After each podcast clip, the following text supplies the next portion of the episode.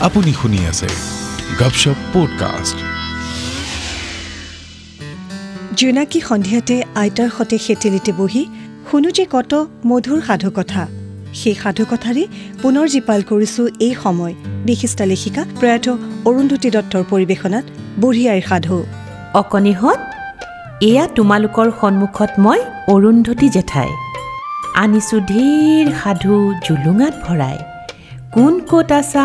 আহা লৰি লৰি সাধুৰ মালিতা শুনা কাণ পাতি।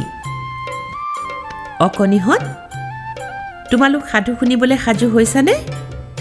মই আজি তোমালোকক যোৱা দুবাৰৰ দৰে ভুৱন ভাৰতী বৰুৱা মানে ভাৰতী জেঠায়ে লিখা যাদুৰ কথাৰে সাধু কিতাপখনৰ পৰা এটা সাধু ক'ম দেই। এইবাৰৰ সাধুটোৰ নাম সোণালী পাখিৰ ৰাজহাঁহ। শুনা হওক দেই। বহু দিনৰ আগৰ কথা। এখন গাঁৱত এটি দুখীয়া পৰিয়াল আছিল। পৰিয়ালটোত বুঢ়া মাক দেউতাকৰ সৈতে তেওঁলোকৰ তিনিজন পুতেক আছিল। দেউতাকে হাবিৰ পৰা খৰি কাটি দূৰৈৰ হাতত মানে বজাৰত বেচি সেই পইচাৰে ঘৰ চলাইছিল।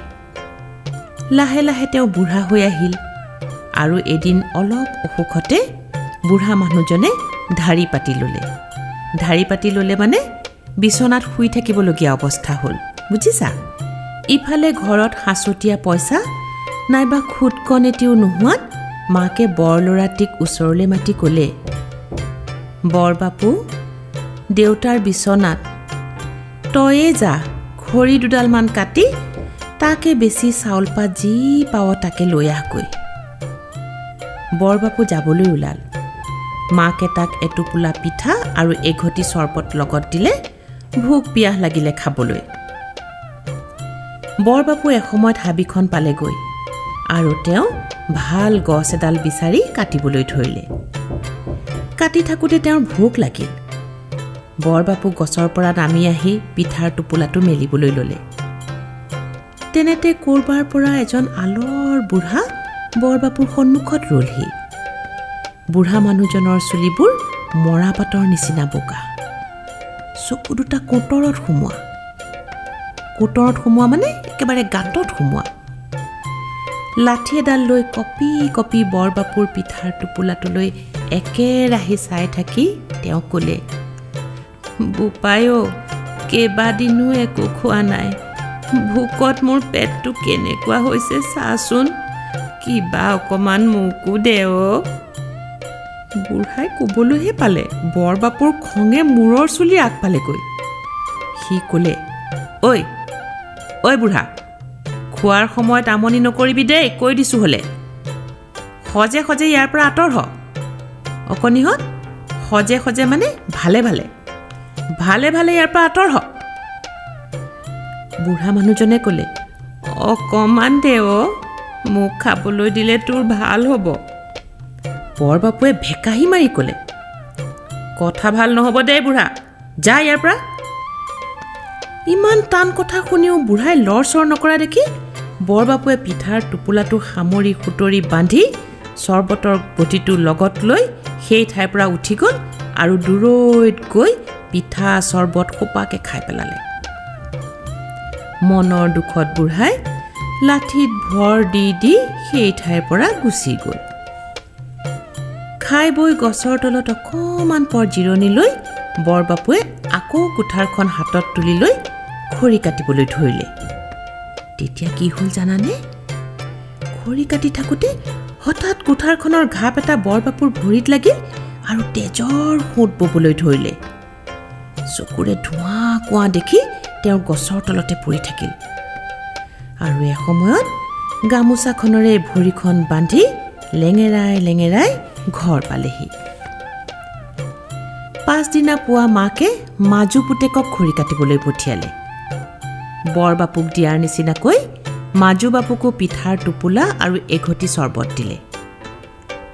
খৰি কাটি থাকোঁতে ভোক লগাত তেওঁ গামোচাৰ টোপোলা খুলি পিঠা এটা হাতত লৈছেহে তেনেতে সেই বুঢ়া মানুহজন পালেহি। বুঢ়া মানুহজনে কপি থকা হাত এখন মাজু বাপুৰ ফালে আগবঢ়াই দি পিঠা এখন খুজিলে। মাজু বাপুৱে ক'লে চা বুঢ়া মই যদি তোক খাবলৈ দিওঁ মোৰ ভাগত কম পৰিব গতিকে কোনোমতেই দিব নোৱাৰোঁ। ইয়াৰ পৰা যা। বুঢ়াই লৰ চৰ নকৰা দেখি মাজু বাপুৱে কোঠাৰখন দাঙি বুঢ়াক ভয় খুৱালে ঐ এইখন দেখিছ? কাটি দুচেও কৰিম। ভালে ভালে আঁতৰ হ বুলিছোঁ? বুঢ়া নগ'ল। মাজু বাপুৱে টোপোলাটো সামৰি ঘটিটো হাতত লৈ দূৰৈলৈ গৈ পেট ভৰাই পিঠা চৰ্বত খাই অলপ জিৰণি ল'লে। তাৰ পাছত কোঠাৰখন হাতত লৈ খৰি ফালিবলৈ লওঁতেই কোঠাৰখন তাৰ ভৰিত পৰিলহি আৰু ভৰিখন সৰু গাঁঠিৰ ওচৰতে দুচেও হ'ল। তাৰমানে দুটুকুৰা হ'ল। মাজু বোপা অচেতন হৈ পৰিল। ৰাতি এপৰলৈকে ঘূৰি নহা দেখি মাজু বাপুক বিচাৰি গাঁৱৰ মানুহ হাবি পালেহি আৰু তাতে তাক পাই ডাং কোলাকৈ মানে কোলাত লৈ ঘৰলৈ লৈ আহিল। পাছদিনা ৰাতিপুৱাই সৰু বাপুৱে দেউতাকক ক'লে দেউতা আজি ময়ে যাওঁ। খৰি দুডালমান কাটি বজাৰত বেচি চাউল পাত যি পাওঁ লৈ আহিম। দেউতাকে ক'লে থ থ বোপাই তই খৰি কাটি আমাক খোৱাবি। আমি সেইখন কপাল সাধি অহা নাই। ডাঙৰ দুটাই যি কৰিলে কৰিলে আমাক আতিছে। বুদ্ধিয়ককেইটাই কৰিলে সেয়া। তই কি কৰিবিগৈ আমাৰ জনা আছে। সৰু বাপুৰ মনটো বৰ বেয়া লাগি গ'ল। সকলোৱে কয় তাৰ হেনো বুদ্ধি কম। লগৰ সমনীয়াবোৰে তাৰ বুদ্ধি দেখি তাক হেবাং বুলি মাতে। আৰু এইদৰে মাতোতে মাতোতে তাক হেবাং বুলিলেহে সকলোৱে চিনি পোৱা হ'ল। এতিয়া এই হেবাং ওলাইছে খৰি কাটিবলৈ। দেউতাকে চিঞৰি চিঞৰি মাকক ক'লে হেৰা শুনিছানে? আমাৰ হেবাং খৰি কাটিবলৈ যাবলৈ ওলাইছে। দিয়াহে বাটত খাবলৈ পিঠা পনা কি আছে তাকো দিয়া। তাকে শুনি মাজু বাপু আৰু বৰ বাপুৱে ঢেক ঢেকাই হাঁহিলে। মাকে হেবাঙক বুজালে তই অকৰা ল'ৰাটো কেলৈনো যাব লাগিছে? টেঙৰ দুটা বিচনাত পৰি আছেহি। তইনো মিছাকৈ কেলৈ যাবলৈ ওলাইছ?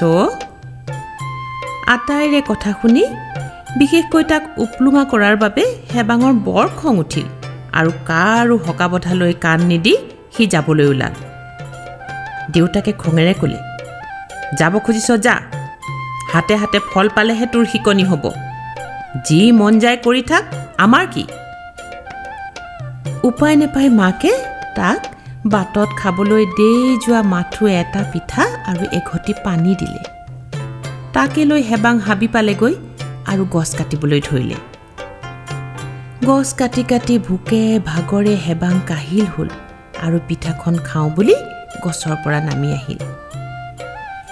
ঠিক সেই সময়তে সেই আলৰ বুঢ়া মানুহজন হেবাঙৰ সন্মুখত ৰলহি আৰু তাৰ ফালে হাত মেলি খাবলৈ দিবনে বুলি সুধিলে। হেবাং বিপাঙত পৰিল। তাৰ হাতত মাত্ৰ এটাহে পিঠা। বুঢ়াই আকৌ ক'লে বৰ ভোক লাগিছে। কেইবাদিনো পেটত খুটখন এটিও পৰা নাই। হেবাঙে ক'লে ককা তোমাক কিবা এটা দিবলৈ পোৱা হ'লে মোৰ বৰ ভাল লাগিলহেঁতেন। পিছে মোৰ হাতত পিঠা এখনহে আছে তাকো দেই যোৱা। বেয়া নোপোৱা যদি তাকে আমি দুয়ো ভগাই খাব পাৰোঁ। খোৱা যদি বহা এয়া এঘটি পানীও আছে। বুঢ়াই তাকে খাবলৈ বিচৰাত হেবাঙে ৰং মনেৰে পিঠাৰ টোপোলাটো খুলিলে। তাৰপিছত কি হ'ল জানা? টোপোলা খুলি হেবাং থৰ লাগিল। তাৰ মুখৰ মাত ধৰিল। দেই যোৱা পিঠাখনৰ ঠাইত ধুনীয়া ধুনীয়া পিঠা আৰু ঘটিৰ পানীখিনি চৰ্বত হৈ আছে। দুয়োজনে ভোগ গুচাই পিঠা খালে হেঁপাহ পলুৱাই মিঠা চৰ্বত খালে। তাৰ পাছত বুঢ়াই খোলা মুখেৰে খোলা হাঁহি এটা মাৰি ক'লে বৰ ভাল ল'ৰা মোৰ ভোক লাগিছিল তুমি মোক খাবলৈ দিলা। তোমাক মই বৰ ভাল পাইছোঁ বোপা তোমাকো মই কিবা এটা দিব খোজোঁ। সৌ দূৰত যে জোপোহা গছডাল দেখিছা সেই গছডাল কাটি গুৰিটো উঘালিলে কিবা এটা পাবা। সেইটোকে মই তোমাক উপহাৰ দিলোঁ।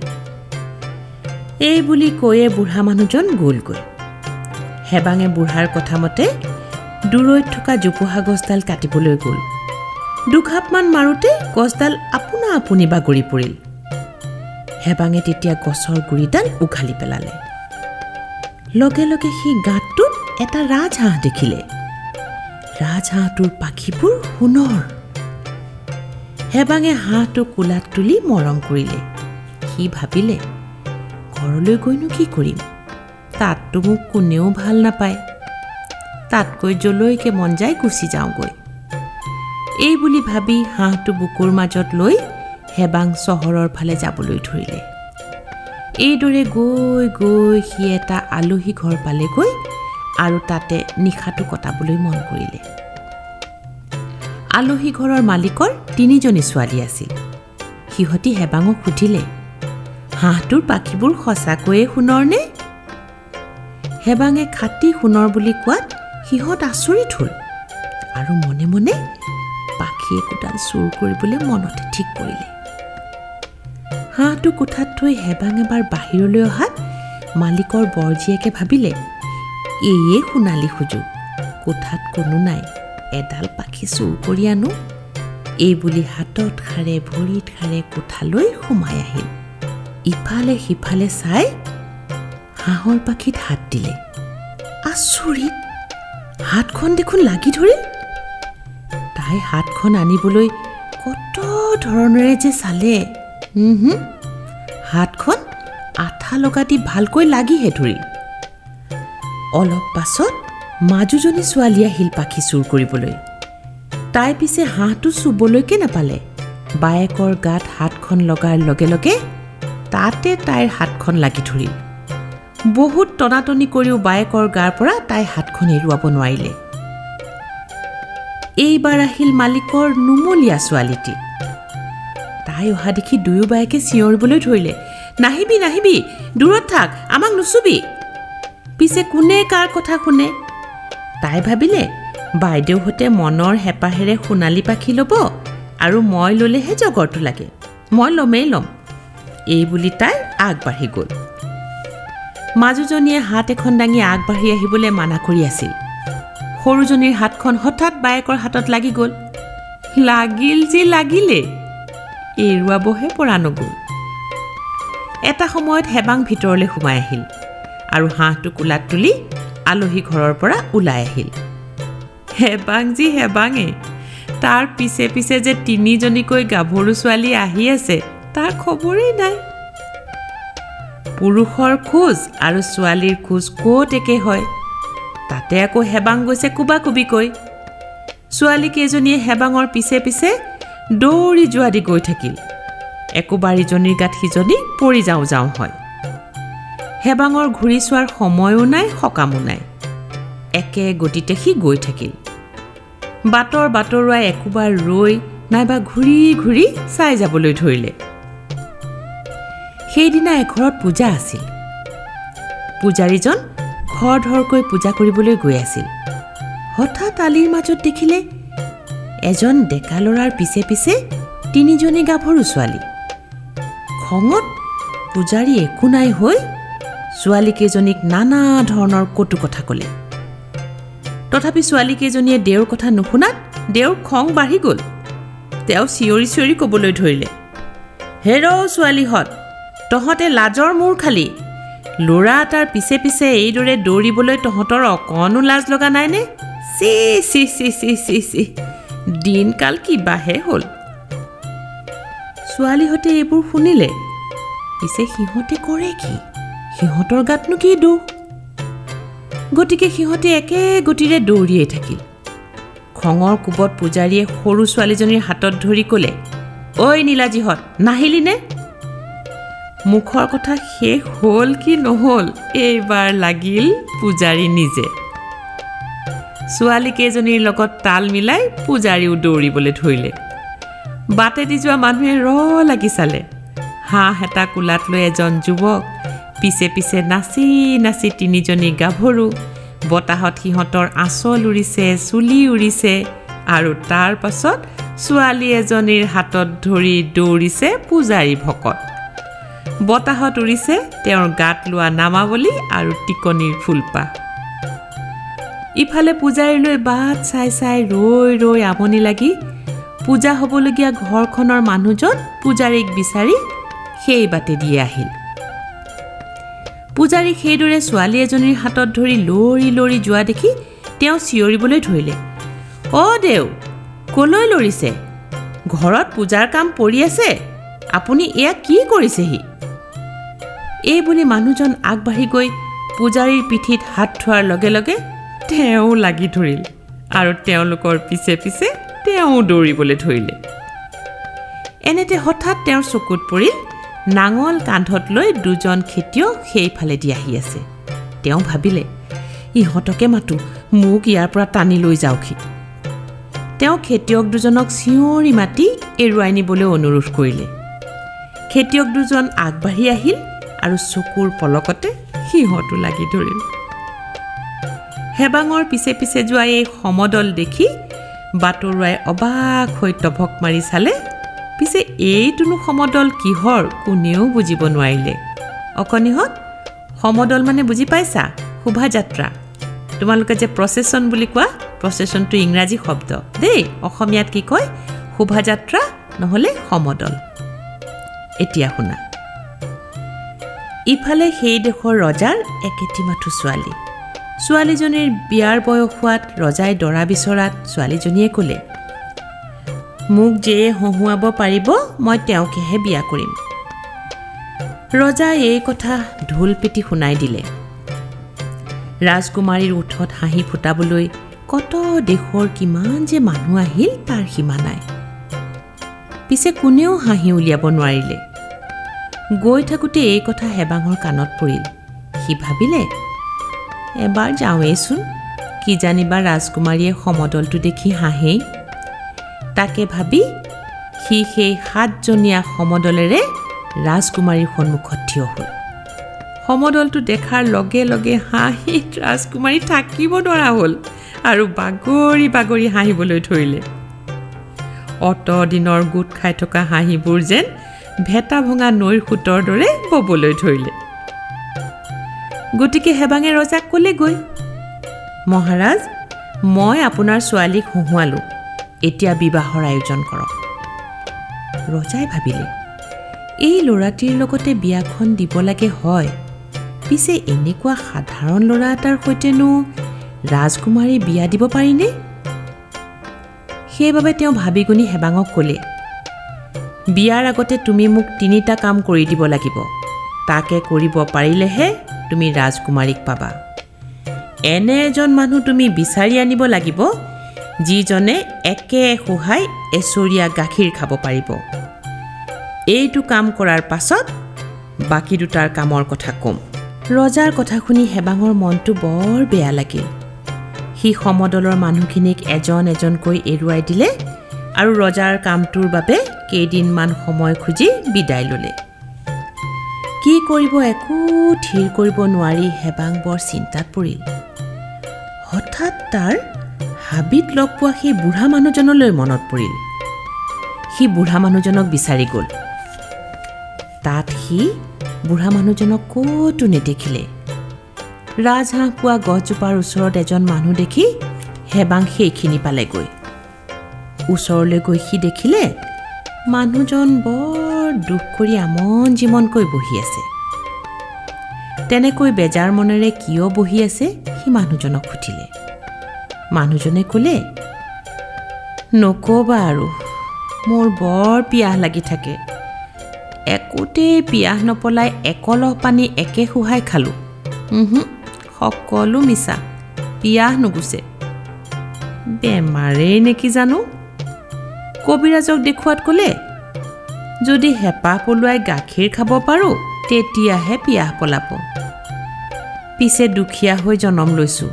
ইমানখিনি গাখীৰ পাওঁ ক'ত? সকলো সময়তে মোৰ ডিঙিটো শুকাই থাকে। মানুহজনৰ কথা শুনি হেবাঙে হাততে সৰগ ঢুকি পোৱা যেন পালে। সি মানুহজনক ক'লে এইটো কথাতে তুমি মন বেয়া কৰি আছা? বৰচৰীয়াৰ এচৰীয়া গাখীৰ মই তোমাক খাবলৈ দিম মোৰ লগত আহা। ৰং মনেৰে মানুহজন হেবাঙৰ লগত ৰজাৰ ঘৰ পালেগৈ। ৰজাৰ আদেশত লিগিৰাই এচৰীয়া গাখীৰ আনি দিলে আৰু মানুহজনে একে সোহাই গোটেই চৰিয়া গাখীৰ পি থলে। তাৰপিছত ক'লে কোনোমতে ডিঙিটোহে তিতি। হেবাঙে ৰজাক ক'লে মহাৰাজ আৰু কি কৰিব লাগিব কওক? ৰজাই ক'লে এইবাৰ তুমি এনে এজন মানুহ বিচাৰি আনা যিজনে একে ঠাইতে বহি একে সময়তে এচৰীয়া মিঠাই খাব পাৰে। এইবাৰ হেবাঙে অকণো নভবাকৈয়ে ৰজাক ক'লে মোক মাথো এদিনৰ সময় দিয়ক। ৰজাই ক'লে ঠিক আছে। হেবাং হাবিখনলৈ গ'ল। গৈয়ে সি তাত এজন মানুহ দেখিলে। মানুহজনৰ পেটত এখন গামোচাৰে টানকৈ আঁতি থোৱা আৰু মনটো মৰা। হেবাঙে মানুহজনক সুধিলে হেৰা তোমাৰ কি হৈছে? ইমান বেজাৰ মোৱা কিয়? হাত এখন লৰাই মানুহজনে ক'লে নক'বা আৰু। ভোকত মোৰ পেটৰ নাৰী ডাল ডাল। মনৰ হেঁপাহেৰে মিঠাই খাবলৈ পোৱা হ'লেহে মোৰ ভোকটো কমিলহেঁতেন। এতিয়া তাকেনো পোৱা ক'ত? সেইবাবে পেটত গামোচাখন আঁতি থৈছোঁ। আই অ' মৰিলোঁ। তুমি আহি মোৰ ভোকটো বাৰুকৈয়ে মনতহে পেলাই দিলাহি। হাঁহি হাঁহি হেবাঙে ক'লে সেইটোনো কি বৰ ডাঙৰ কথা? মোৰ লগত আহা। মই এতিয়াই তোমাক পেট ভৰাই মিঠাই খুৱাম। দুয়ো গৈ ৰজাৰ ঘৰ পালেগৈ। ৰজাৰ আদেশত মিঠাই দোকানৰ সকলো মিঠাই দম কৰি দিয়া হ'ল আৰু মানুহজনে পৰম সুখেৰে পলকতে আটাইবোৰ মিঠাই শেষ কৰি দিলে। এইবাৰ পিছে ৰজা ভাৱনাত পৰিল মানে চিন্তাত পৰিল। হেবাঙক যি কামেই দিয়া যায় সকলো পাৰে। তাৰমানে তালৈকে ৰাজকুমাৰীক দিবই লাগিব যেন পাওঁ। তাকে ভাবি ৰজাই এইবাৰ হেবাঙক এটা টান কাম দিলে। এনে এখন নাও তুমি মোক আনি দেখুওৱা যিখন পানীটো চলে মাটিটো চলে। মনত ৰাখিবা এইটো কাম কৰিব পাৰিলেহে ৰাজকুমাৰীক তোমালৈ বিয়া দিম। হেবাঙে ক'লে মহাৰাজ এইটো কামো মই আপোনাক কৰি দিম। পিছে এইবাৰেই শেষ। মোক আৰু আপুনি একো কাম দিব নোৱাৰিব। এই বুলি কৈ হেবাং হাবিখন পালেহি। তাত ঘূৰি পকি কাকো দেখা নাপালে। হঠাৎ তাৰ চকুত পৰিল মৰাপাতৰ দৰে শুকুলা চুলিৰ মানে বগা চুলিৰ বুঢ়া মানুহজন গছ এজোপাৰ তলত বহি আছে। সি মানুহজনৰ কাষ চাপি গ'ল। আৰু বিপদৰ কথা বিবৰি ক'লে। সকলো কথা শুনি বুঢ়া মানুহজনে ক'লে মই সকলো কথা জানো। ময়ে তোমাৰ বাবে গাখীৰ আৰু মিঠাই খাই দুয়োটা কাম কৰি দিছোঁ। আৰু এইবাৰো মই তোমাক সহায় কৰিম। তুমি বৰ ভাল ল'ৰা বোপাই। মই ভোকত থাকোঁতে এদিন তুমি মোক তোমাৰ ভাগৰ পৰা খাবলৈ দিছিলা। সেই কথা মই পাহৰা নাই নহয়। এই বুলি কৈয়ে বুঢ়া মানুহজনে হেবাঙৰ সন্মুখত চকুৰ প্ৰচাৰতে এখন ধুনীয়া নাও আনি দিলে। নাওখনৰ সন্মুখৰ ফালটো ময়ূৰ চৰাইৰ গঢ়ৰ মানে ময়ূৰ চৰাইৰ নিচিনা। এনে এবাৰ উঠি চাওঁ বুলি হেবাং নাওখনত উঠিল। কি আচৰিত! সি উঠাৰ লগে লগে চকা লগোৱা গাড়ীৰ দৰে নাওখন চলি যাবলৈ ধৰিলে আৰু ঠাউকতে হেবাং ৰাজহাউলি পালেহি। ৰজা সভাসদ আৰু দেশৰ মানুহে তধা লাগি চাবলৈ ধৰিলে। এনে আচৰিত ঘটনা কোনেও কেতিয়াও দেখা নাই। সকলোৱে একেমুখে হেবাঙৰ গুণ বখানিবলৈ ধৰিলে। ৰজায়ো ভাবিলে তেওঁৰ একমাত্ৰ ছোৱালীৰ বাবে এইজনেহে হ'ব উপযুক্ত দৰা। গতিকে তেওঁ তেতিয়াই ৰাজকুমাৰীৰ সৈতে হেবাঙৰ বিবাহৰ কথা ঘোষণা কৰি দিলে। এদিন ভাল দিন বাৰ চাই ৰজাই হেবাঙৰ সৈতে ৰাজকুমাৰীক বিয়া দিলে। দেশ জুৰি গীত মাত ৰং ৰহস্যৰ উৎসৱ চলি। আৰু এসময়ত ৰজা মৰাৰ পাছত হেবাং সেই দেশৰ ৰজা হ'ল। অকণিহঁত সাধুটো শুনি কেনে পালা? মোক জনাবা দেই। আপুনি শুনি আছে গপশপ পডকাষ্ট। এনেদৰেই শুনিবলৈ পাব গপশ্বপ পডকাষ্টত ভিন্ন ৰুচিৰ সমাহাৰৰ ভিন্ন অনুষ্ঠান।